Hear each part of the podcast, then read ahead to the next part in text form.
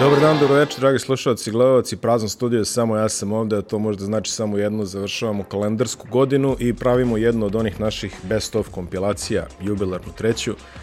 Prvo i pre svega želeo bih da vam čestitam novu godinu, ova godina koja je za nama nije bila jednostavna, već druga pandemijska godina, znate i sami kako stvari stoje. Prošle godine smo prekidali, pa je bilo pauza, pa smo se vraćali, pa smo radili od kuće, pa smo i ovu godinu počeli od kuće, pa smo se vratili u studio. Srećom, ajde koliko toliko, barem je sport išao neprekidno, pa smo imali priliku da, da to gledamo i da to pratimo i samim time ova emisija imala svoj smisao, makar od 2021. Samim time, kada svodimo račune, možemo da počnemo od samog početka, a jedna od tema koje smo videli u emisijama, barem ove s početka, dok smo se družili preko žice, da tako kažem, i dok su još uvek bili neka neki rotacijski gosti, neki drugi ljudi, a ne samo Edin i ja u studiju. Imali smo prilike da čujemo razne priče. Jedna od njih, da kažemo, bila je ona stara srpska priča, stare srpske boljke, a to je šta rade sudije i kuda ide ovaj brod što se tiče makar razvoja mladih igrača i razvoja košarke u Srbiji. Pa izgleda kao to, pa, pogotovo u takvim nekom utakmicama koje ti donosi mnogo, pogotovo za nacionalni tim. Ajde, u klubovima se dešava, imaš tokom sezone mnogo, veliki broj utakmica, pa ajde i prođe, znaš, pa se zaboravi ono kao ajde, nema veze, znaš, nekad se dese greške i stvarno ne, ne možemo da zameramo ono studijama stalno da i oni prave greške i sve to. Ja mislim, prvo moram da nakvalim ove naše studije s naših prostora, ubedljivo su sigurno najbolje studije i to se pokazuje kroz Euroligu i sve, ali ta, u toj utakmici to je stvarno bilo, ja se sećam, znači u u jednom momentu da je bilo nekih sad, ne znam, nerešen rezultat, da li 63, 63, slagaćete u, u neki poen, ali da ja hvatam loptu u skoku u napadu i da me s jedne strane, to nikad neće zaboraviti, hvata Papa Lukas i Dikudi sa druge strane za obe ruke i da se ljudi svira faul ja polako idem da stanem na slobodna bacanja, znaš. I on pokazuje ne da je faul u napadu, da Papa Lukas ima dva bacanja, znači to je stvarno nesvarno bilo. Znači, to je to došlo do tog nivoa da smo ono, pokadine najstrašnije što ti kažeš, ajde svi vide, ali ti da osjetiš to tako, znači, i pored svega toga imali smo i produžetak, i u produžetku, kažem, taj da je čak isto na pola koša izgubimo utakmicu, tako da... Mi, smo, mi, mi se dalje ponašamo kao da smo elita. Mi više nismo elita. Ne, ne znam, po meni mi više nismo elita. Mm -hmm. Pa naše su sve mlađe kategorije u B ligi. Nisu u A, u, u A diviziji, u B diviziji. Sve naše mlađe selekcije. Pa gde mi idemo? Gde ova košarka ide? Meni je to tragedija mi nismo više mi, mi uh, nismo avangarda više, mi smo dekadencija. Mm -hmm. Mi u, u još veću dekadenciju idemo. Mi sa osam stranaca sada idemo. Mi ćemo završiti ko Armani sa nekim Tirđolijem, nekim jednim koji će se pojaviti, tu neki će biti da, da popuni jedan italijan. Da može da im prevede ovaj... I da im da, da, da im pomogne strancima da se snađu. Ja nemam ja ništa, ja ću sutra otići od košarka.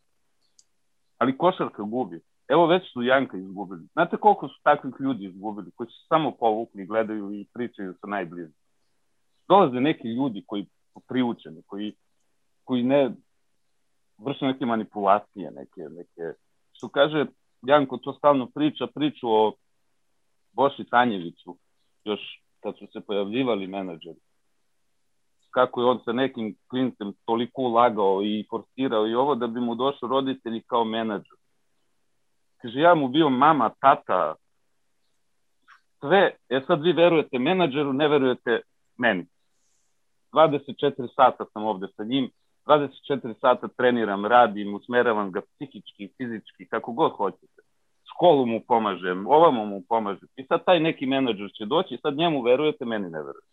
E tako je došlo vremena sad ja treba da objašnjavam ko smo mi, kako mi radimo i ostalo. I onda ti kad ne objašnjavaš roditeljima, kad se ne ponašaš na takav način, onda oni ne znaju šta da rade, nije im lepo, nisu upućeni, ne govori im se da će njihov dete biti sjajno, da su oni u Americi, da su oni sutra u Zvezdi, da su oni sutra u Partizanu. Tako sport ne funkcioniše. Možda velikih igrača, ono kad kažeš velikih, baš velikih, najvećih, nije bilo ove sezone u podcastu, ali bili su neki drugi igrači, jednako dobri, jednako interesantni i uh, ono što je možda i najinteresantnije za vas slušalci i gledalce je to što su oni imali iskustva igranja sa nekim velikim igračima, pa su onda prenali ta svoje iskustva i imali ste priliku da čujete nešto i o tome. Pa prvo ono što je bilo jeste lakoće igranja protiv a, starih seniorskih igrača koje ja do tad nisam video. E, ono kad kažu igra se košake, to je bila neka definicija gde je imao stvarno i dosta prostora za grešku kod, kod Dejana Milovića i, i Omegi, ali na taj način je morao da se razvije taj njegov talent koji ima. Mislim da je bio mnogo teži put recimo kroz Vezu i Partizan, mislim da je imao idealan put kroz, kroz Megu s obzirom na te, te njegove karakteristike i iskreno ti kažem, e, niko od nas nije očekivao da će on napraviti ovo što trenutno, što trenutno radi. Prosto za nas je to bila neka druga dimenzija da budeš on all-star NBA prva petorka, to je bilo nemoguće, nestvarno. Uh, on je, uh, mi smo tada igrali dve godine u Megi, on je baš između te dve sezone išao u Ameriku da radi individualno i onako vratio se sa drugačijim telom. Uh, znatno je napadao u tom pogledu, imao je odličnu sezonu, on je bio te zone prve NBA lige, ja sam bio drugi i to je nešto bilo u posljednjem kolu se, se rešavalo, ovaj, tako da onda smo s putevi, putevi razvojili, on otišu u Denver, ja sam otišao u Jel, namer, jel namerno promašivo na tvoje ove dodavanje? Promašen namerno, počeo opet da tako hvala, znaš, meni nula, njemu četiri. Šalim se, ovaj, šalim se, nije, ovaj, bila je, ovaj, bila je, ne, bila je fair track. Na kraju, da, da, sve to, sve to ovaj, normalno ovaj, kažem, razvojili smo se putevi, ali ono, on je definitivno jedan od najtalentovanijih igrača, ako ne najtalentovaniji s kojim sam ikada igrao, uh, vi odmah vidite taj njegov pregled igre i bilo mi je mnogo lako da igram sa njim. Da li je bila lopta kod mene, kod mene ili kod njega, bilo manje važno, jer kad je kod njega, on je bukvalno playmaker u tim situacijama i vidi, uh, vidi teren izuzetno. Isto tako kada sam ja bio na lopti pa sam igrao pick and roll sa njim, bilo mi je lagano jer jer e, nije promašivan asistencije, znaš, on to ne promašuje te, te plotere ovaj, u nekom short rollu, to kad, kad mu gurnem, mu dodam pas, ovaj, onda, onda on to ne promašuje. Tako da bilo je stvarno, kao i sa svakim igračem koji zna da igra, lako bilo igrati.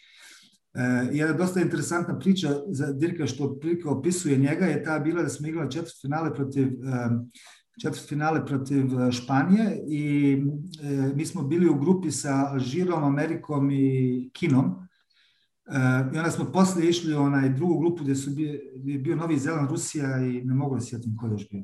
Uglavnom on nije imao, nije, nije mogo da pogodi iz bilo kog razloga, nije bio u nekoj šuterskoj formi i onda ovaj, uvijek je sa, sa sobom je bio, sa, sa njim je u većini slučajeva bio Gešvindner, Holger Gešvindner koji je prilike njegov trener i mentor. Ču, čuveni, da.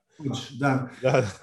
koji je sve završavao za njega i utakmica protiv Španije je bila prva, prva utakmica taj dan, prilično rano, jer posle igrala Jugoslavija protiv Amerike i tako da je već negdje oko, oko pet, a šuterski trening je bio u devet. I onda kako smo mi u pola osam silazimo na, silazimo na, na, na doručak, a Dirk ulazi u, u hotel sa, sa Gešvidnerom, mokar sav, znači on je sav, čovjek je bio na treningu, sad ja kažem, gdje si bio? Pa kao ništa, malo smo čačnuli moj šut, moram da ga namjestim i tako dalje. On je otišao u 5 sati u dvoranu i on je 2,5 sata trenirao. I onda je išao na šuterski trening i onda je išao na utakmicu. Tako da njegova ta etika, e, posvećenost, e, on, na primjer, mi kad smo, kad smo, kad smo igrali prvenstva i pripreme, pa ti negdje izađeš malo možda ne toliko koliko Jugoslavija dvije druge izlaze, ali znaš, kad si u Istanbulu i Atini, pa izađeš da, da, za nebu i piću, nikad, nikad, nikad se nije pojavljivao nigde, uvijek je bio u hotelu, uvijek se pazio što jede, što radi, e, kap alkohola nije popio, ali kad se završi turnir, onda je ovaj, uh, išao u drugi ekstrem, ali dok je, dok je imao svoje obaveze, on je bio znači, najveći profesionalac kao ga sam ja upoznao. Znate da je Juba Liga nešto čime ja najviše volim da se bavim i znate da je mitologija oko te lige dosta snažna, dosta čuvena, a ja se nadam da sam malo doprine u istorijskom radu u prethodne tri godine oko te lige. Pa ove godine imali smo priliku da se pozabavimo jednim zanimljivim fenomenom, a to je fenomen crnogorskog snajpera, imali smo toga jedne neke priče iz 90-ih, a imali smo i njehove duhovne naslednike koji su došli na košarkaške terene kasnije i samim time isprečali neke svoje priče ovde u podcastu. Da ne da bi tehničku grešku bio. Mm, mm. I... Bio neki pregovor, da.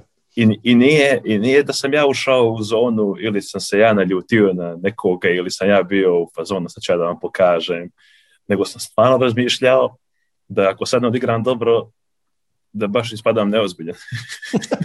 više, više, me, više je to bila stvar koja me, koja me vodila u tom trenutku, nego da sam ja sad ovaj, da se meni pogled promijenio, e, nego eto, više što sam samo postao fokusiraniji. Mm. E, kad, god, kad god igram tako, kad god sam smiren, kad god e, ne utiče na mene greška, kad god ne utiče na mene bilo što što neko kaže ili bilo koja sudijska odluka, e, znam da ću da odigram dobro. Međutim, kad krenem da e, ili se, želim da se revanširam nekome, ili želim neki privatni rat protiv nekog igrača, ili protiv trenera, ili krenem da pričam sa sudijama, uvijek, e, uvijek ispadne dosta loš po mene. A interesantno je zato što baš deluje kao u tom momentu kao aha, e sad je lično. Jesi, se, to, su, to su mi svi rekli kao, kako, kao nalju, naljutili su te, naljutili su te, pa kao ti si odigrao dobro i ja ono kao u fazonu kao, pa e, jes, jes, jes. A to, to, to. a ovamo, a ovamo kao, baš, baš, baš, baš nije tako. Znači, ne dešava se često da izboriš produžetak pa, ne znam, ovaj, šutim sa svog penala što znam ja da, to, da su to i retrogradni Merkur ili kako se već to zove. Uglavnom, taj period je bio baš neki, ovaj, kad sam možda i u karijeri najviše tih e, odlučujućih šuteva, da je, recimo, ta pobjeda o, o, protiv Paoka, to isto trojka, recimo, desetak sekundi do kraja, na tri razlike. Pa onda recimo protiv Barcelone recimo ovaj, bilo je 10 sekundi do kraja, jedan za njih, ja dan trojku, imamo plus dva, oni svinute neke penale. Znači imao sam sigurno jednu seriju, jedno 5-6 ovaj, trojki ovaj, u tom dijelu sezone, ono baš odlučujući ali ovaj, posle sam i promašio neke, tako, neke penale i neke, i neke trojke, tako da... Ali eto, ajde, to se... daj to sa hemofarmom, ispričaj nešto.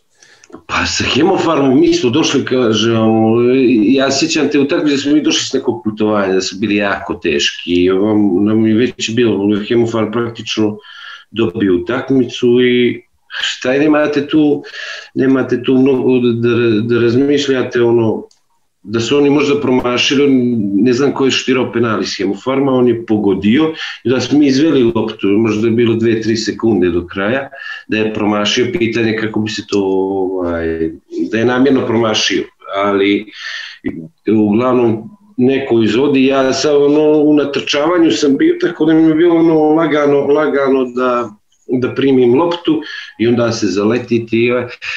Pravo da vam kažem, teži je šut, ovaj, teži je šut bio protiv FNP-a. Gubite dva i sad vi šutirate, šutirate iz ćoška, šutirate relativno dobru situaciju i sad treba da date. I, ovaj, I to je psihološki mnogo teži šut. Ovo dobijete loptu na 2-3 sekunde do kraja ispod svoga koša i sad gledate da u 2-3 driblinga uđete u neku koliko toliko solidnu situaciju za šut i šutnete to, ali ovaj tu ako pogodite, pogodili ste, ako ne, šta sa centra šutirate i ovaj, mislim, to se posrećilo, dob, uh, ušla je ta lopta i onda smo produžetku dobili. Nisam ja tu nešto, nisam nešto ni... Šta? Drugi produžetak je bio. da. Je, pa ne znam, ja ne, ne sjećam se sam tu utakmicu nešto izuzev tog koša da, da, se ta, da, da mogu nešto da pamtim iz te utakmice, nešto ne mogu da se sjetim. Naravno, nisu sve priče bile usko fokusirane na košarku, bilo je uvek prostora za vic, za šalu, za smeh i za a, uspomene, što na kraju krajeva ja bih rekao čini i integralan deo ovog podcasta i svega ovoga, tako da eto, bilo je i toga za Efes me ne iznenađuje, mislim da su stvarno sjajna ekipa, da su našli način funkcionisanja sa, sa Atamanom i tom slobodnom igrom, gde ovaj lažni crnac, beli mali, korđavi, Turčin, kako se zove, šar, šar, le, Lane, Char Lane, Sharkin, Sharkin. Gde čovek je, da, Larkin, je, Larkin, Shane, ne znam, ima še, ili ima še? Jeste, Shane, Shane, Shane. U suhom, znači on i Mike James, suhom s juga, njegova duša. Da, suhom Shade. A, da sam Shade. Kaka je to? Vidi, jedna od najboljih pesama.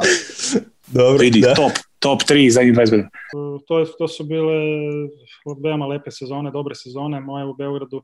A, iako nisam dobivao pre, previše prilika, a, mogu da kažem da sam, da sam jednostavno a, napredovao ne samo u košarci, nego nego i životno, životno neko iskustvo koje mi je, koje mi je dalo, koje mi je dalo neko, neki podstrek za, za napred. Tako da stvarno iz Partizana imam samo najlepše uspomene i na suigrače, i na trenere, i na ljude oko kluba.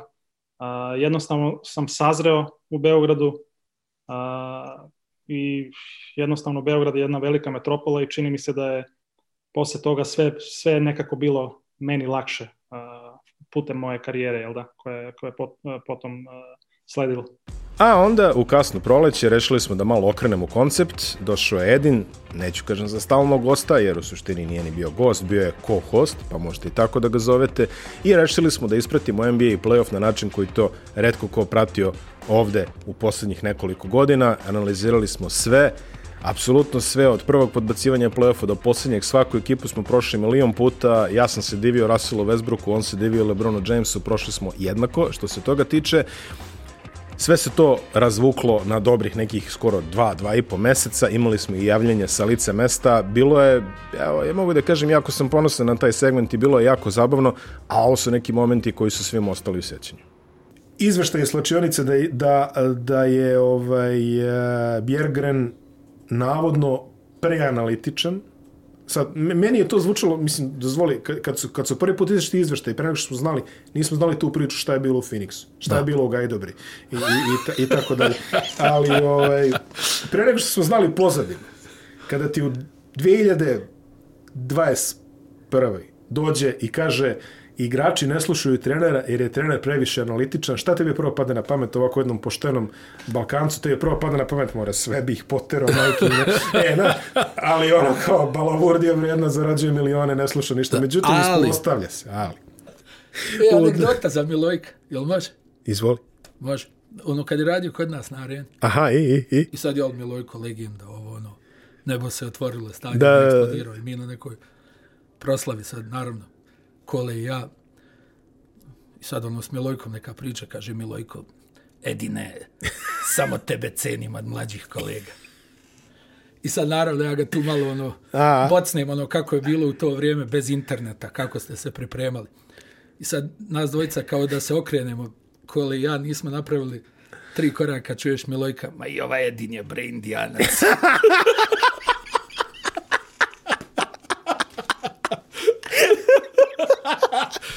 Da dugo je trajalo.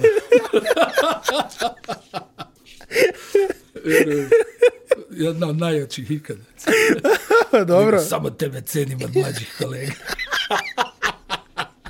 Ali samo tebe. E, onda... Nisam neđe. Vele obrat.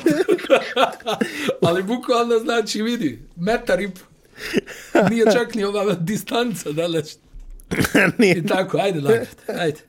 Anegdota, znaš da sam svoje vremeno 2008. finale Boston Lakersi, mm. uh, u slačionici Bostona sam pojeo sve jagode i buronce. On, oni ono posle utakmice onaj iznesu ono voće, nekad ga ima i prije utakmice, onaj i to bude ova, ali znaš one one američke one jagode radioaktivne. al su slatke, al su slatke, velike slatke. I ja krenem da metem dok ovi tamo nešto pričaju i u jednom trenutku se ustaje PJ Tucker, Brown. O, PJ Brown i gleda onaj, po onom ovalu, kaže Hey man, where are the strawberries? A ja ono, tamo prema, prema nekom lokeru, onaj, on pita onog tamo, fizija koga pita, kao gdje su jagode, šta gdje su, pojeo ih ja sve. A, to je jako. Kaže, gdje su jagode? A evo gdje su, sad ću da ti objasnim. Dragi gledalci, ovaj, vi ovo ne možete sada da vidite, ali jer je magija montaža i televizije posredi, ali mi smo imali ovaj jedan mali rez za pauzu između ovog ovaj, monologa o jagodama i sada i, ni, i nismo prestali da se nismo A, prestali vidi, da znaš se kako, ono, gužva je, razumiješ, tu su ono neki novinari, šunjaju se, ja ono nešto se tu vrzmam i ono, o, vidi, voće. I budu i, i e, žvake budu. A. Obično ne od cimeta. Mm. I ja lagano pup jednu, pup drugu. du, du, du, du. Još i one velike borovnice, ali hajde rekao, borovnica, manje vidi, daj da vidimo jagod. Uh, kako je slatko. Kao Wimbledonska, samo 70 puta bolja. I onda PJ Brown se tamo diže. Kao krenuo čovjek, stani u prazno se, ko veli dopuni, daj dopuni ovo šta se dešava. Treba si ti da Kao kažeš. vidi ovih Lakersa bande, donijeli dvije jagode. Da? Čuvene kalifornijske. ovaj. Ma da.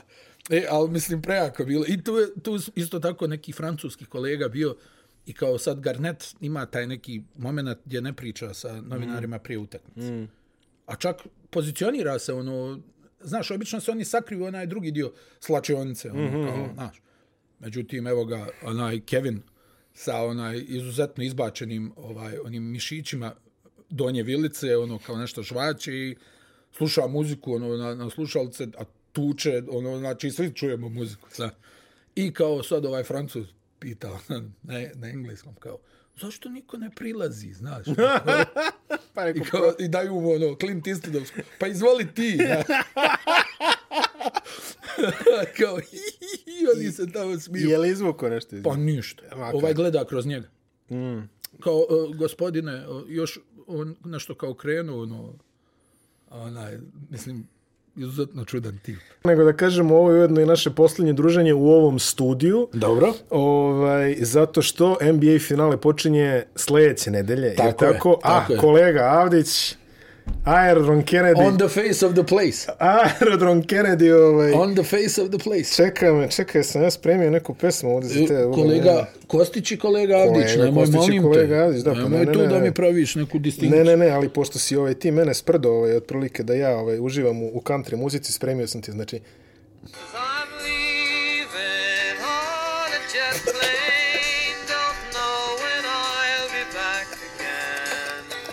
Daj da mamuze neke da stavim na, da stavim čizme ovdje na, na stolicu. John Denver i njegov Ja, ovaj, John Denver, da. van vremenski hit Live na Jet Plane. Znači, ja, Barem ima uslove, znaš, kod nas je obično living on foot. Zamisli, kreneš u potragu za boljim životom. Dobro. I kao, ne znam, nija, jel, ajde, nama je taj scenarij i tekako poznat. I završiš u Milwaukee. Dobro. Dobro, mogo si završiš i u Baltimoru, mislim, što sad i ti. je. Vidim, Baltimore je, ovaj, za, ne znam, stvarno. Ja, znaš šta sam shvatio? Prvo, vidim, u Milwaukee restorani rade do 9. Dobro. I, I uopšte sve radi do 9. E sad, u čemu je trik? E, u čemu je trik? Što ja sam mislio da to je zbog korona protokola, znaš, i ovo. Međutim, onda čovjek dođe i kaže, ne, ne, ovdje inače radi do 9. A počinje da radi u 5. Vidi, ne počinju svi da rade u pet, ali su nam preporučili dva dobra italijanska restorana. Jedan je varijanta pice, drugi je klasična ona italijanska kuhinja, da ne nabrajam sada sva jela. I mi se meračimo da odemo u te restorane danima i onda shvatimo da oni rade četiri dana sedmično. Znači ne rade nedeljom, ne rade ponedeljkom, ne rade utorkom, rade sreda, četvrtak, petak, subota od pet popodne do devet uveče. I onda se postavlja nagradno pitanje kako se to nekome uopšte isplati. Što, jel, suštinski to je paravan, da, jel tako? Pa nema drugog objašnjenja. Odmah je, kako je Zemara povezao o čemu se radi ovdje. Mislim. Pa ne, e, stani, pa svi mi volimo ugostiteljstvo na ovaj ili onaj način. Ja igrom slučaja imam dosta drugova u toj sferi života. Od 5 do 9 burazeru. Znaš kako može da bude profit? Jedino da si Zuma ili Nobu, znaš ono kao tabla sušija 200 dolara. Tako jedino A ovdje- može da bude profit. A ovde, ovde, ovde su cene relativno normalne, tako da ovaj, ostaje misterija kako zarađuju. Pa, pošto vam se takav koncept emisije svideo, mi smo rešili da tako nastavimo i na jesen. Počela je nova, najjača ABA liga na svetu, vratio se Željko Obradović, Zvezda se pojačala, budućnost se pojačala, svi su se pojačali, svi su ušli, ono što se kaže, punih pušaka u ovu sezonu, tako da napravili smo dupli koncept po prvi put u istoriji ovog podcasta. Utorkom ste mogli da gledate analize iz Jadranske lige, petkom ste mogli da gledate analize iz NBA lige u onom standardnom terminu i to je još uvek malo sveže, pravo da vam kažem, mi smo snimili baš dosta u ovih poslednjih tri meseca, pa znate gde da gledate, ali evo, čisto ovako malo da vas zaintrigira, ako niste gledali sada par jako interesantnih momenta koji su nam onako prošli kroz kameru u ovih tri meseca. A, znaš kako, a, mislim, prvo, to, jel, kako kažu moje, moja neka vizija, najveći gospodin Mm. među trenerima. Izgleda je tako. Da. A izgledao je... Daću ti jedan primjer. E, Kad je imao prvo gostovanje u našoj emisiji i sad ja sam onaj, ono, čujemo se telefonom, nešto tu pričamo, ovo ono, i on kaže, eto, kada da dođem, ovaj, pa reko, dođite, ovaj, tako, ono, 15 do vas. I rekao, jel treba da vas podsjećam? Ma kao, kakvo podsjećanje, to je to. A recimo razgovaramo u četvrtak. Mm. Dajem primjer. Čovjek dolazi u ponedeljak, 19.45 tačno, izlazi iz taksija, znači obučen kao da treba da primi ne znam kakvu nagradu. Sat, cvike, odijelo, kravata. Znači, ono, mi onako stojimo ispred da ga, jel, dočekamo, on stvar, znaš, ono, mislim, aj dobro, igrači se pojavljuju u različitim izdanjima, mladi momci, ovo, ono, ne, nije ništa sporno. On dolazi, zna, vjerujem, jače obučen nego da treba da vodi utakmicu. I drugi put, mislim, pošto je nekoliko puta kod nas gostovao, kad je došao u džemperu i košulji, i sad mi, ono, čekamo ga, jel, kravate, to, kaže on, onaj, a, pa nećemo tako, momci. Sad ono, kao, pa, u čemu je problem, šta je bilo? Pa kaže, onaj, nisam se adekvatno obukao. Pa kako se nije? Pa vi imate kravate, ja nemam. I njega to stvarno pogodilo. Ono, on sad razmišlja kao koliko imamo vremena, kao da zovem da mi donesu, rekao, imamo mi ovdje neki kravata, ali sasvim, ono, imao je, imao je taj neki, znaš, to, to nekako ne možeš da, kako da ti objasnim, to ne možeš da naučiš. Nije to nešto što se uči, to ima. Do I, DMX-a, znaš, da. znaš onu čuvenu kao za Georgea Michaela, sad ne znam koliko je istinita, ali je jak. Ali, ali. jak. Znaš, on, on se ono jedno vrijeme intenzivno družio s Harisom Džinovićem.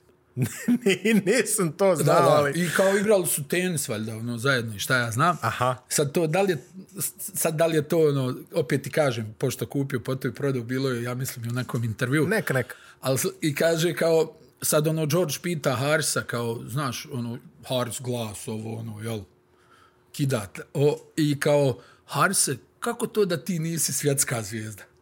Pita njega George Michael. Kaže njemu Haris, e, moj George, ti da si se u Sarajevu rodio, ne bi imao za cigare.